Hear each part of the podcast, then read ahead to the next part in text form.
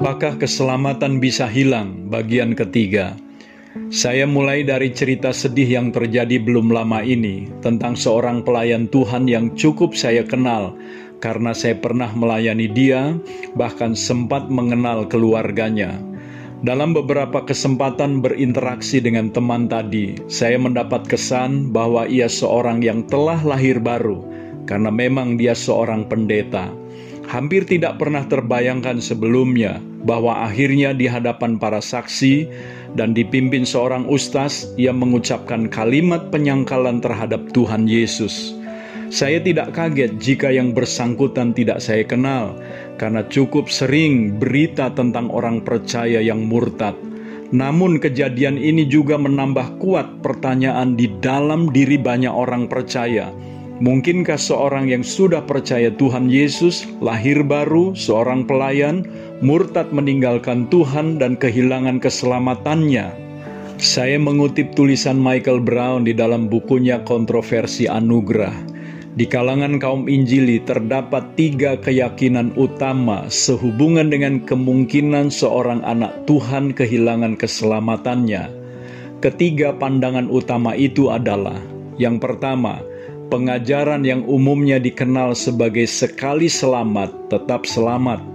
Pengajaran ini mengatakan bahwa sekali Anda benar-benar percaya, maka tidak peduli bagaimana Anda hidup atau apa yang Anda lakukan, bahkan sekalipun menyangkal Yesus dan berbalik dari Dia, Anda tidak bisa kehilangan keselamatan Anda.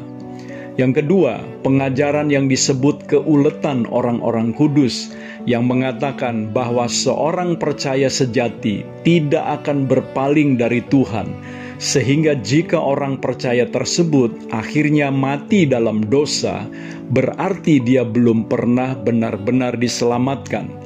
Yang ketiga, pengajaran yang ketiga tidak memiliki nama tertentu, tetapi pengajaran ini mengatakan bahwa seorang percaya sejati bisa memilih untuk menyangkal, menolak kasih karunia, dan kehilangan keselamatan. Walaupun kita aman di dalam Yesus, apabila pada akhirnya kita menolak Dia, kita akan kehilangan posisi aman kita.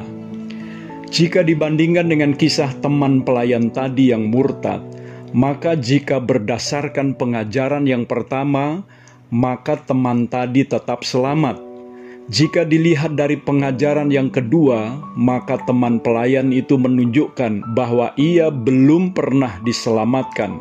Sebaliknya, jika berdasarkan pengajaran yang ketiga, maka ia telah murtad dan tidak setia kepada Tuhan, sehingga ia kehilangan keselamatan yang telah dianugerahkan Tuhan kepadanya. Sekarang, mana yang benar? Jika kita percaya bahwa sekali selamat tetap selamat, maka orang percaya tidak memerlukan Alkitab lagi sesudah selamat, sebab semua peringatan Alkitab sepertinya tidak diperlukan lagi, bahkan Roh Kudus pun tidak dibutuhkan lagi mungkin. Jika kita memegang pengajaran yang kedua, maka kita tidak pernah punya kepastian apakah seseorang benar-benar telah selamat sampai ia mati dalam kebenaran.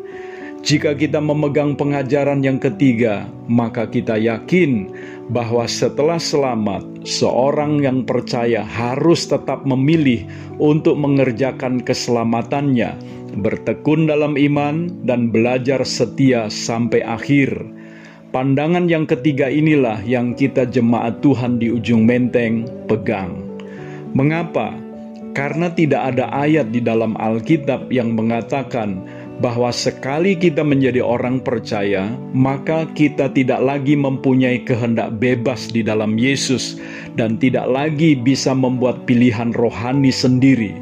Jika kondisinya seperti itu, maksudnya tidak lagi memiliki kehendak bebas untuk membuat pilihan sendiri, maka seluruh isi Perjanjian Baru tidak masuk akal sama sekali Justru karena Allah tidak ingin memaksa kita untuk menuruti kehendaknya, maka ia memberikan kepada kita banyak peringatan di dalam perjanjian baru.